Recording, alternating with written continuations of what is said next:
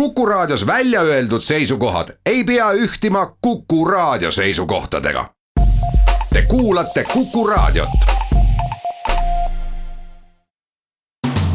hääletades Euroopasse. saadet toetab Euroopa Parlamendi Eesti büroo hääletades Euroopasse on eetris stuudios Annika Õunap ja minuga koos ajakirja Diplomaatia peatoimetaja Erkki Bahovski, tere tulemast. tere no täna võtame vaatluse alla Brexiti ja selle mõju Euroopale ja ka Eestile, et lisaks me saame vaadelda ja rääkida omavahel sellestki, et kuidas mõjutab Brexit Euroopa Parlamendi valimisi käesoleva aasta maikuus, et. aga ei ole enam palju jäänud selle hetkeni, kui tõepoolest britid tõstavad kaabut ja lahkuvad Euroopa Liidust, et kaks kuud on jäänud tõenäoliselt selle hetkeni. aga kuidas nad seda teevad, me täpselt veel ei tea, me võime ennustada, et nad lahkuvad leppeta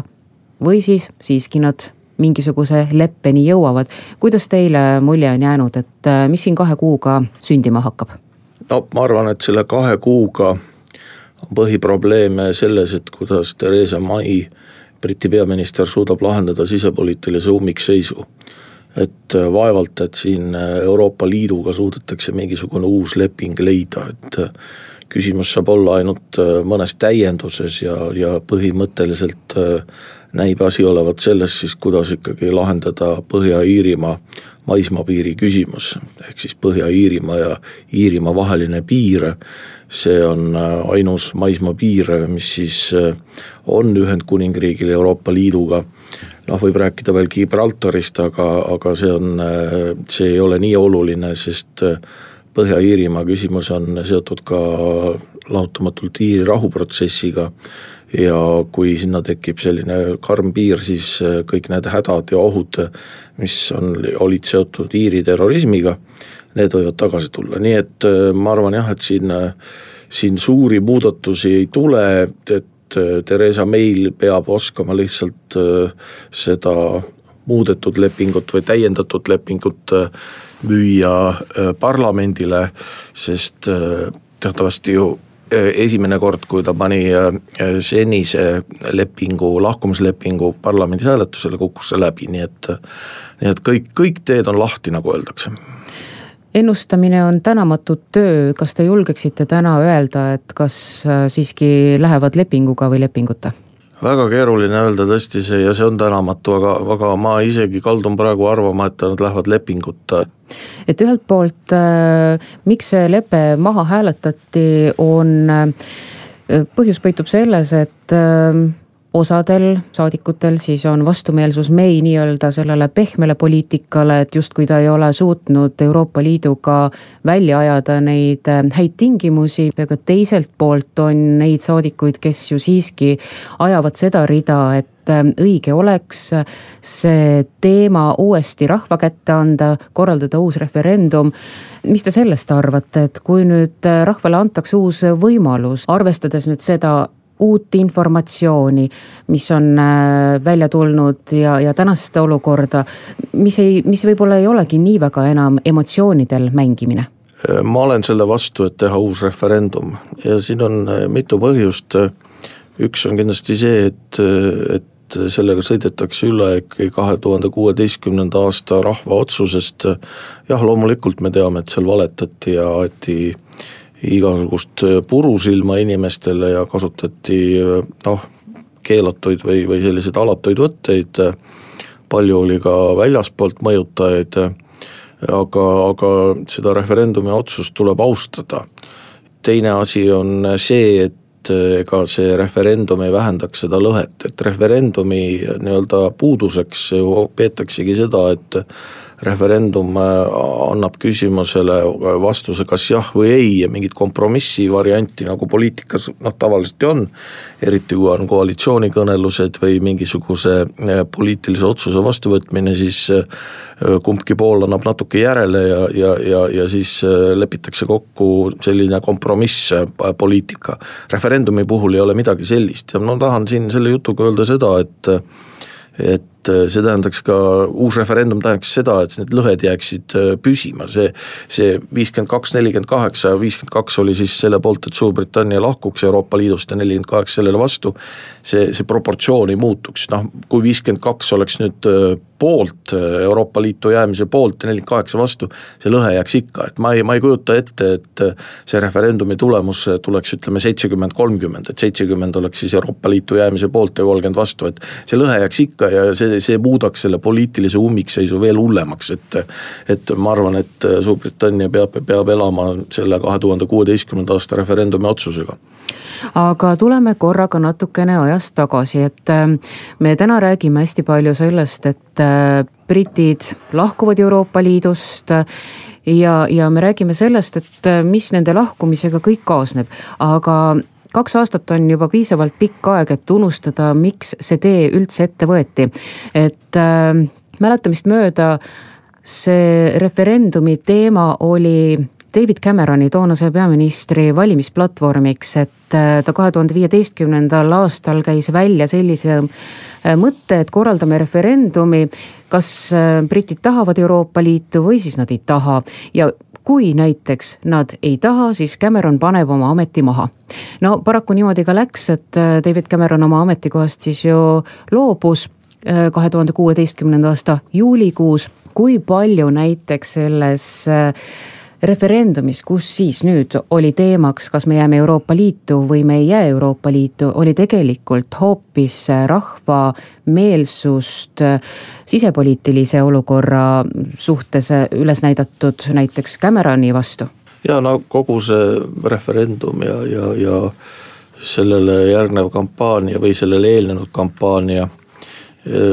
oli ju ikkagi kantud sisepoliitilistest põhjustest, et David Cameron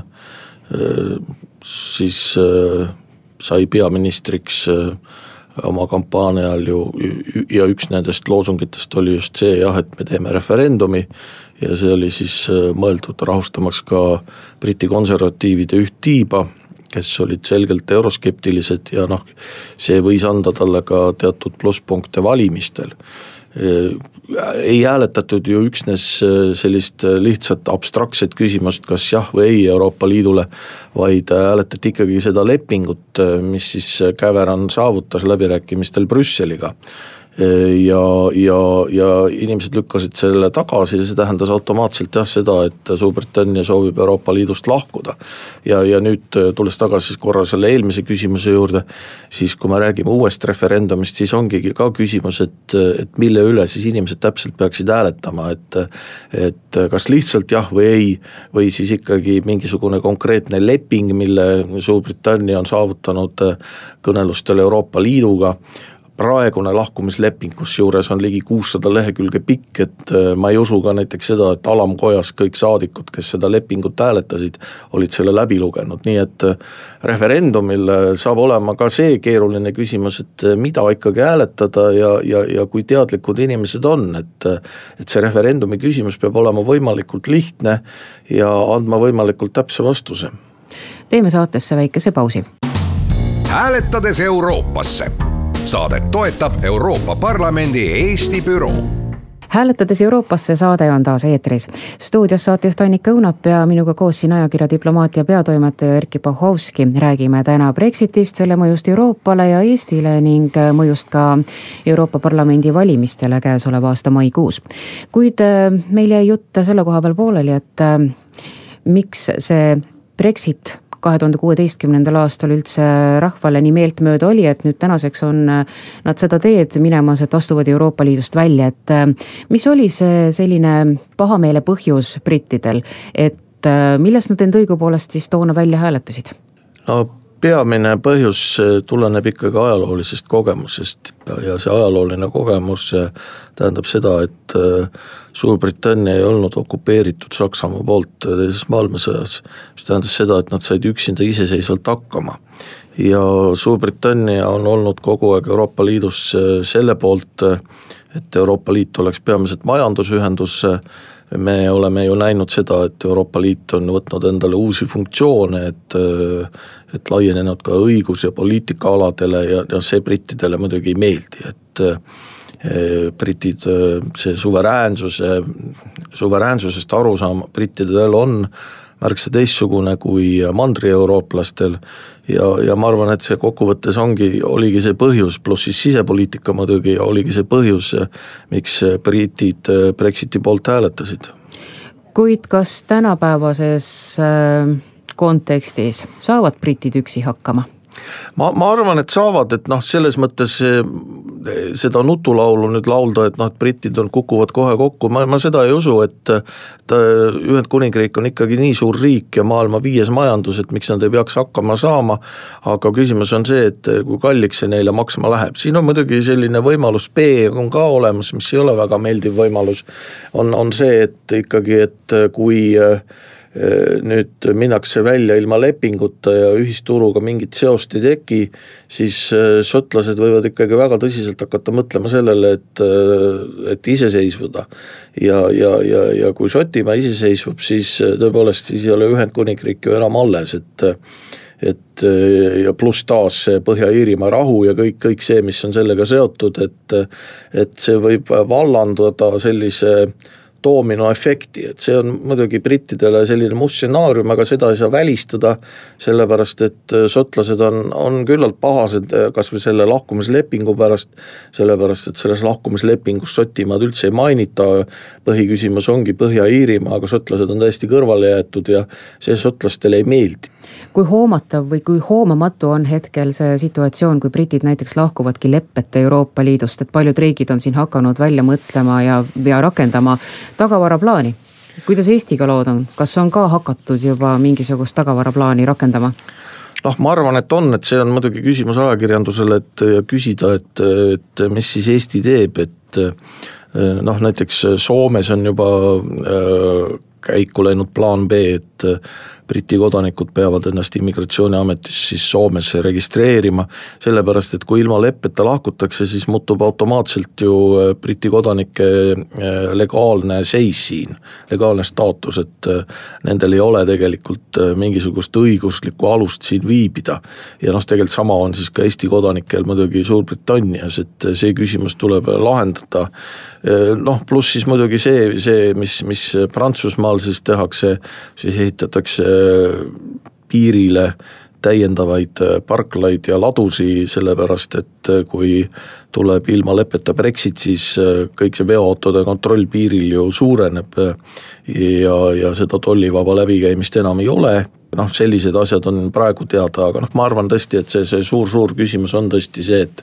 mis saab nendest kodanikest, kes elavad siin ja vastupidi, mis saab Eesti kodanikust, kes elavad seal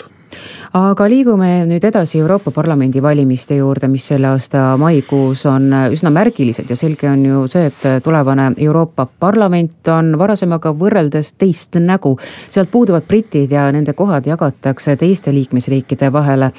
iga liikmesriigi parlamendisaadikute arv on ligikaudu võrdeline selle riigi rahvaarvuga, kuid siis järgides kahaneva proportsionaalsuse põhimõtet, siis ühelgi riigil ei saa olla seal vähem kui kuus saadikut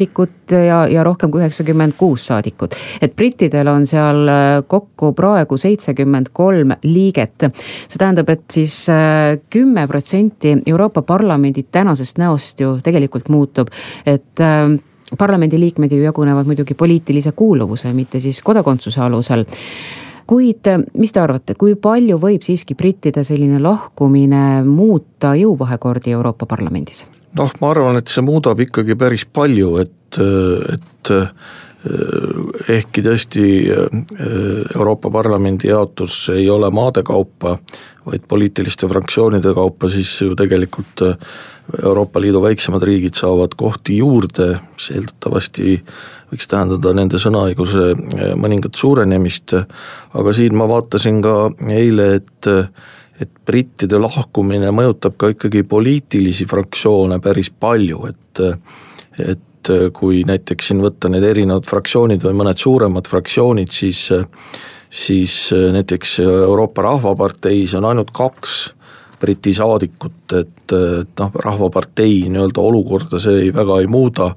sotsiaaldemokraatide fraktsioonis on näiteks kakskümmend Briti saadikut. samamoodi konservatiivides on neid väga palju. konservatiivides on ka kakskümmend